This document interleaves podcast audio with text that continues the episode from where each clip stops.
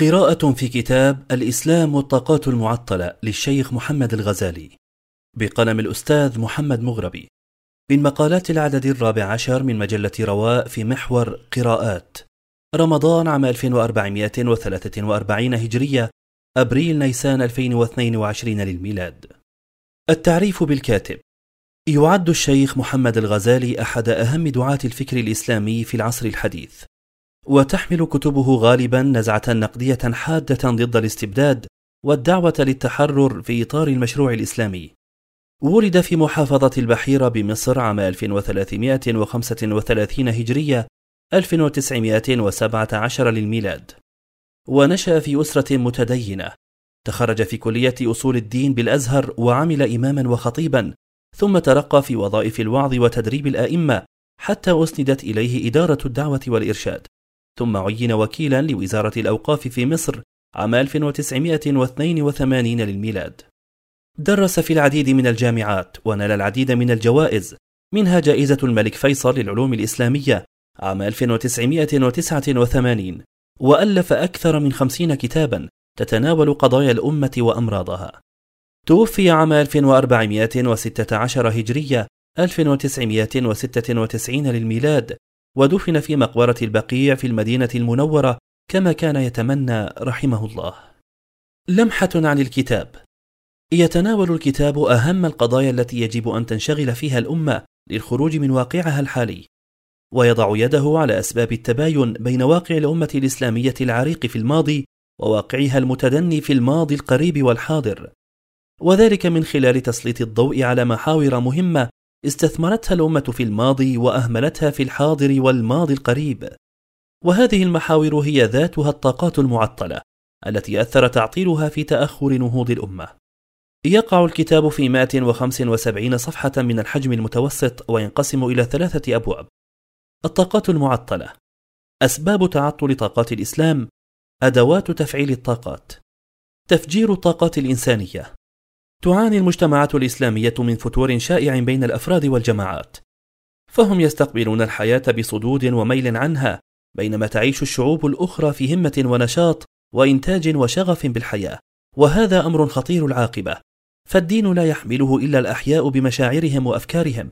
أما التأخر والجمود والهوان فلا يجد أوعية له أفضل من النفوس المغلقة والمواهب المطموسة. والمصلحون لا يكادون يجدون من يستجيب لهم لأنهم يصطدمون بتلك الطاقات المعطلة. فمن رام إصلاح حال المجتمعات الإسلامية فعليه أن يبدأ بتعليم الناس كيفية استثمار طاقاتهم وإجادة فن الحياة. أما إن بقيت تلك النفوس على حالها فلن يصلح بها دين ولن تصلح لها دنيا. القسم الأول الطاقات المعطلة. لاحظ الشيخ كسلا وفتورا عند شباب المسلمين إلى درجة عدم الرغبة في العمل وكسب الرزق مع توفر أسبابه فطرح تساؤلا هل الدين هو المسؤول؟ وناقش ذلك موضحا أن الإسلام يقيم أركان الإيمان على فهم الحياة بصدق والتصرف فيها بعقل وأمانة والقيام برسالتها إلى آخر رمق. وأن أقرب ما يصور هذه الحقيقة قول رسول الله صلى الله عليه وسلم إذا قامت على أحدكم القيامة وفي يده فسيلة فليغرسها أخرجه أحمد. وهذا الأمر بغرس الخضر الذي يخرج منه النبات في تلك الآونة العصيبة له دلالة حافلة. إنه أمر بمواصلة أسباب الحياة في الوقت الذي تستحصد فيه الحياة. فالإسلام ليس هو المسؤول عن الفتور في التعامل مع الحياة والزهد بالعمل والإنتاج فهو يجعل صلاح الآخرة نتيجة حتمية لصلاح الأولى أي يجعل الجنة لأولي الأيدي والأبصار لا لأولي العجز والحجاب. ومن كان في هذه اعمى فهو في الاخره اعمى واضل سبيلا. اذا فما السر في تخلف المسلمين؟ ودينهم يدعوهم إلى العمل والانجاز. ان الكشف عن هذا السر يتطلب احصاء جمله من الرواسب الماديه والمعنويه التي تكونت على مر القرون. ويمكن تحديد اربعه مصادر تولد عنها هذا الادبار المزري. اولا فساد عاطفه التدين تبع لانتشار تعاليم متصوفه وشيوع أفكارهم القائمة عن الحياة. ثانيا، انكماش القيمة الإنسانية للفرد في ظل الاستبداد السياسي الطويل. ثالثا، انطفاء القوى العقلية وتسلط الأوهام والخرافات على الحياة العامة. رابعا، المروق الظاهر عن أغلب النصوص والقواعد الإسلامية.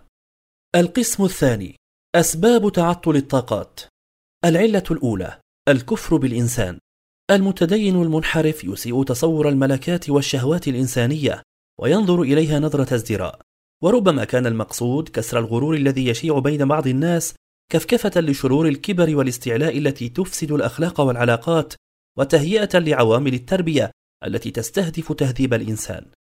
إلا أن الأمر انقلب مع المربين الأغرار فهم لم يفلحوا في إزالة الزوائد الضارة وحسب بل اجتاحوا الأصل نفسه عندما حاولوا قتل الغرور في إنسان مغرور فبلغوا في الجور حدا جعله يفقد الثقة بما عنده. فذهب الكبر وذهبت معه عزة النفس ثم ذهبت بعدها الشخصية الحرة المستقلة. حتى تتم رسالة الإنسان في الحياة لا بد من احترام ملكاته وإقرار شهواته ولا بد من إنماء مواهبه العالية وترك رغائبه الطبيعية تتناسب وفق مقتضيات الفطرة السليمة. فالإسلام لا يقتل الغرائز الإنسانية لأنه إن قتلها حكم على الحياة بالفناء السريع. ولكنه يحول انطلاقها الفوضوي إلى انسياب دقيق رقيق والقيود التي يضعها عليها ليست لإعاقة وظيفتها وإنما لضمان هذه الوظيفة بإبعاد الشطط والغلط عنها. ولو أن الصالحين من المسلمين عرفوا منطق كتابهم في تقويم الإنسان وتقرير حظوظه من السيادة المادية والأدبية لانساحوا في أنحاء المشرق والمغرب ينظرون ويكتشفون كما فعل المجاهدون من رجالات القرن الأول. لكنهم حقروا أنفسهم وقعدوا في أوطانهم وتضاءل العالم كله في أعينهم فأصبح حركة عقيمة بين دورهم ومساجدهم.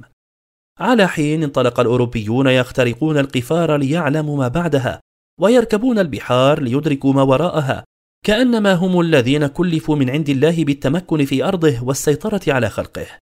والجدير بالذكر أن القرآن الكريم ألح على المسلمين أن يسيحوا في الأرض وأن يسيروا في البر والبحر. ليربو إيمانهم وتتسع معارفهم وتثقل تجاربهم وتزيد حصيلة الحقائق التي لديهم عن الوجود والتاريخ. قال تعالى أفلم يسيروا في الأرض فتكون لهم قلوب يعقلون بها؟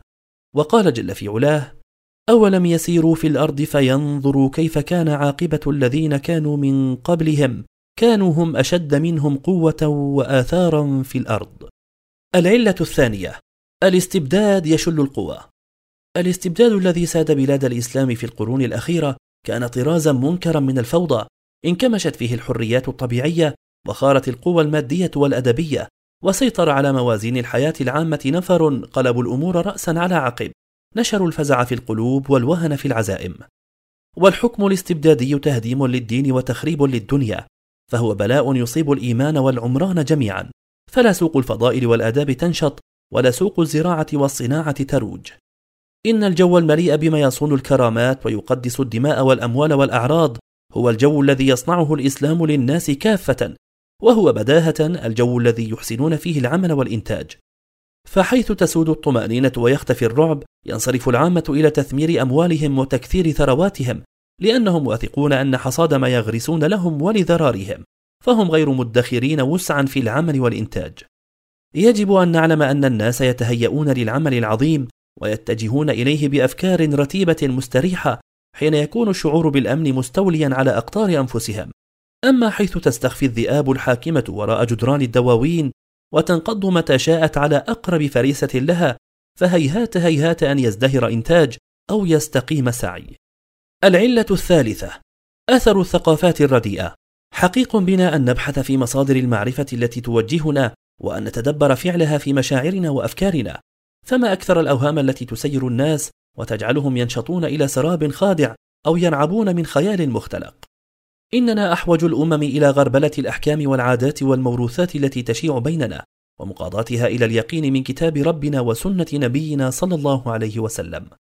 لقد نهانا الله عن اتباع الظنون العائمة أو احترام الخرافات القائمة وأفهمنا أننا مسؤولون عن حواسنا حتى لا يفتنها عن الحق خداع ولا يجرها إلى الباطل تقليد. قال تعالى ولا تقف ما ليس لك به علم إن السمع والبصر والفؤاد كل أولئك كان عنه مسؤولا.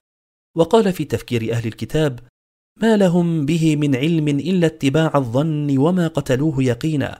وقال في تفكير عبلة الأوثان إن هي إلا أسماء سميتموها أنتم وآباؤكم ما أنزل الله بها من سلطان.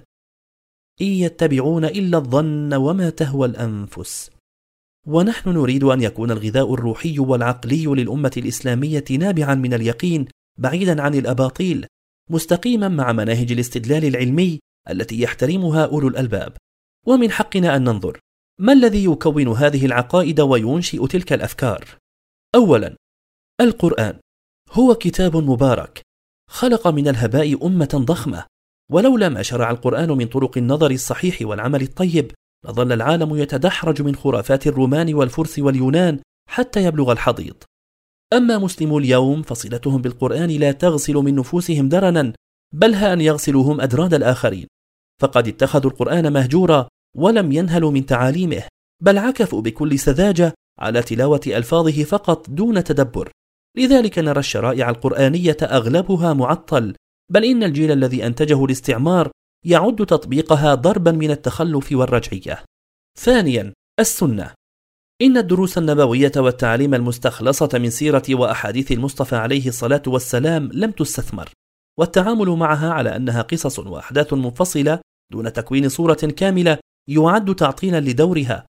بل إن حركات المصطفى وسكناته وسلوكه وأقواله منهاج كامل معد للاتباع فإن في السنة كنوزا من الحكمة والمعرفة وزادا من الأدب والتقوى ولكن استخراج هذا الخير يحتاج إلى اليد الصانعة والعين البصيرة. ثالثا الفقه الفقه الإسلامي محيط بالحياة الإنسانية كلها وقوانينه الضابطة للأعمال تناولت الفرد في خاصة نفسه وتناولت الدولة في أعم أمورها حتى يكون إشراف الدين على الإنسان محكما لا ثغرة فيه والفقه يطلق الأحكام مشروحة مبينة مع مقاصدها ويستقي مادته الخام من الكتاب والسنة ليعطي تفسيرا وافيا لأدق تفاصيل الأحكام في حياة الإنسان والمجتمع. وهو صورة مشرقة للحرية الذهنية التي تقوم على الاجتهاد في حل القضايا التي تحتاج نصوصها إلى شرح وتأويل لمن هو أهل لها من حملة القرآن والسنة. لكن تعطل ذلك بسبب التعصب المذهبي وإغلاق باب الاجتهاد لزمن طويل فاستورد المسلمون الأنظمة والقوانين من الأمم الأخرى لتطبيقها في حياتنا. رابعا العقائد إن صفو العقائد الإسلامية المحددة لأركان الإيمان قد تعكر عندما دخل الفكر الأجنبي إلى مفاصل حياة المسلمين. ولولا متانة الجانب العقلي في الإسلام لضاعت موروثاته بسبب الاختلاط مع الفلسفات الأجنبية. الإسلام قوي منيع لا يغلب في ميادين الفكر الحر، وعقائده راسخة تمنع اهتزازه أو اضطرابه. لكن عندما يتشرب المسلمون أفكارا مبهمة تصور الإيمان بشكل خاطئ وتقدمه بفهم قاصر ستختفي العقائد من مفاصل حياة الأمة. أما اليوم فإن دراسة العقيدة قد تحولت إلى مجرد معلومات وجدالات ونقاشات ضعيفة خالية من الروح الدافعة لبناء الأمم. العلة الرابعة: التخلف في الكشوف المادية. كان حريا بالمسلمين أن يكونوا أسبق أهل الأرض إلى التمرس بعلوم المادة والبراعة في فهمها والنفاذ إلى أسرار الكون من خلالها. ذلك أن القرآن هو الكتاب الفذ في العالم الذي يلح على قرائه أن يفكروا ويعقلوا وينقلوا أنظارهم بين فجاج الأرض وآفاق السماء. ولأمور كثيرة لم يستقم تاريخنا على هذا المنهج، فقد ضلله الاشتغال بالفلسفات الدخيلة، فاستهلك قواه في بحوث ما وراء المادة وهو إنما أمر بالبحث في المادة لا فيما وراءها. المرأة في المجتمع الإسلامي. تعرضت المرأة للتهميش كثيرا في العصر الحديث وسلبت حريتها مع أن الإسلام حررها وأعلى شأنها. غير أن حرية المرأة في الإسلام لا تشابه الحرية الزائفة في المجتمعات الأوروبية التي أدت إلى الانحلال. فالمرأة في الإسلام حرة عالمة عاملة أديبة راعية في بيتها مجاهدة حتى بالسلاح. ولكنها غير منحلة أو قاصرة مبتذلة. لذلك أدى تهميش المرأة واقتصار دورها على الجانب الشهواني إلى تعطيل إحدى أهم طاقات الأمة. أعراض عامة. بعض العلل النفسية والأمراض الاجتماعية التي تترك آثارا سلبية وتعطل طاقات الأمة وأهمها الأمل الطائش. يتوهم بعض المسلمين أن صدق الوحي الذي انفردوا به كاف في ترجيح كفتهم وأنهم أفضل الأمم. ويجب أن يثبت لهم هذا الفضل مهما ساءت أحوالهم ورسبت أفعالهم. وهذا أقرب إلى الغرور الفارغ. إن هذا المنطق جعل المسلمين يستهينون بواجباتهم ويقصرون بمهمتهم المتمثلة في إعمار الأرض وإصلاحها. عدم الإخلاص للرسالة. نحن أمة ذات رسالة. سمونا بها حين من الدهر وقد كان إخلاصنا لرسالتنا قديما مصدر عاطفة ملتهبة وفكر يقظ وإنتاج كثير وجهاد موصول وتضحية نفيسة. ثم بدأت هذه الرسالة تضمحل في نفوسنا وتبعها وهن في الروابط العامة التي تحشد قوى الأفراد لخدمتها. وذبول هذه الرسالة الجامعة كانطفاء الأمل في نفس الإنسان لا يجر وراءه إلا الانكسار والقنوط والاستكانة. الغش العام. تفشي الغش دليل على انحطاط الأمم وهو يتجاوز الخداع والاحتيال في إخفاء عيوب البضاعة بل يشمل كل عمل لا يبلغ رتبة الكمال إن كان القائم عليه مقتدرا على إنجازه بصورة كاملة. عدم التعاون.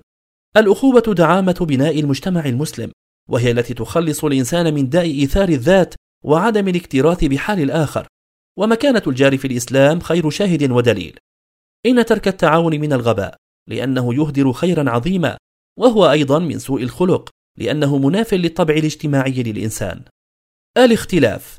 الاختلاف في الآراء والمذاهب والأهداف أمر إيجابي يساعد على التفكر والاجتهاد وإعمال العقل وتنوع العمل والمسالك. لكن الخلاف المخيف هو ذاك الذي يغذيه هوى النفس وتحرضه الأنانية كالصراع على السلطة والمكاسب. وهو الداء الخطير الذي يفتت الأمة ويهدر على مذبحه دماءها ويكرس العداوات بين أبنائها. القسم الثالث وسائل تفعيل الطاقات. الإسلام أساس حياة الأمة وسر قوتها وضمان بقائها وإن صلاحها ونهوضها يكون بالعودة إليه. من خلال المنهج العلمي الدقيق الذي تقدمه تعاليم الإسلام وتشريعاته وكأنها معالم طريق واضحة توصل إلى نهاية صحيحة في الدنيا والآخرة. على ذلك نصل إلى نتيجة واقعية مفادها أن الإسلام دين المستقبل دين العلم والعمل دين العدالة التي فشل بتحقيقها النظامان الشيوعي والرأسمالي فقاما بنشر أفكارهما غصبا من خلال استعمار البلدان والشعوب بالقوة. المبادئ الأساسية للنظام الإسلامي ومقوماته العامة ثمة طرح منهجي يقدم دراسة دقيقة وعملية للنظام الإسلامي بعيدا عن أدوات الاستعمار الرأسمالي والشيوعي الذي حاول أن يسيطر على العالم بالقوة السياسية والعسكرية والاقتصادية. بل جيش لهذا الهدف الوسائل الإعلامية التي تغلف الاستعباد والاضطهاد بالشعارات البراقة. هذا النظام الإسلامي المنشود يجب أن يحدد بأطر دقيقة تعصمه من الفشل أو الشطط. وهذه الأطر هي ألف الإطار السياسي. يرتكز على الشريعة الإسلامية وضرورة تطبيقها عن طريق الشورى التي تقيد فردية الحاكم. فلكل فرد حق في المشاركة إذا توفرت فيه الشروط التي تقرها الشريعة وأساسه قيمة العدالة. إذ من الضرورة إخضاع الجميع لأحكام الشرع دون استثناء. فالناس سواسية ومن حقهم أيضا المشاركة في وضع الحلول وتصحيح الأخطاء. أما حقوق الأقليات غير المسلمة فهي مصانة في النظام الإسلامي ولهم الحرية في ممارسة شعائرهم. باء الإطار الاقتصادي العدالة التي نظمت الإطار السياسي ستكون أيضا نظيمة للإطار الاقتصادي بغية الوصول إلى نظام عالمي يحرم الاستغلال ويحترم العمل المشروع ويحمي المكتسبات والأملاك. النظام الاقتصادي الإسلامي يدعو إلى استثمار الثروات بأقصى حد ويحارب الكنز والتبديد ويحرم الربا والمقامرة تضمن السلطة أيضا حصول كل من يعمل على الأجر العادل دون تمييز عرقي أو ديني. التكافل والتآخي حاضر أيضا في النظام الاقتصادي الإسلامي من خلال حق الزكاة وتوزيع الصدقات وتطبيق الشريعة في المواريث. جيم الإطار التربوي. ثمة مبادئ أساسية لهذا الإطار تنبثق من أهمية التعليم والتربية في الإسلام وفي الحياة الإنسانية بشكل عام. وتتلخص هذه المبادئ في وجوب نشر المعارف لكل الأفراد وتوفير السبل لاكتسابها ولزوم تكريس مكارم الأخلاق بجانب المعارف. وضرورة التخلص من ثنائية المناهج العلماني والديني عبر توحيد المنهج التعليمي فهذه الثنائية تحرم التعليم جدواه المثلى. دال الإطار الاجتماعي لا بد من نشر الوعي الاجتماعي القائم على التعاون والتآخي والتكافل وصيانة كرامة الفرد وتدعيم بناء المجتمع. ابتداء من الأسرة حتى أكبر التكوينات المجتمعية. إن النظام الإسلامي يكفل الحقوق الاجتماعية للأفراد كافة، لا سيما الضعفاء من أطفال وشيوخ ونساء، مع ضرورة الحد من التواكل وترسيخ الاعتماد على الذات والتعاون بين الناس. ها الإطار العسكري لدينا عدة خطوات ضرورية لهذا الإطار على ضوء الأمر الإلهي وأعدوا فالإسلام دين عدل وسلام ومعاملة بالمثل ولكنه بنفس الوقت دين دفاع عن حرية العقيدة والكرامة. هذه الخطوات مختصرة في رفع كفاءة القدرات الدفاعية مع مراعاة السعي للاكتفاء الذاتي والتعاون بين كل بلدان الأمة الإسلامية للوصول إلى صيغة دفاع مشترك. مجلة رواء تروي ظمأ المعرفة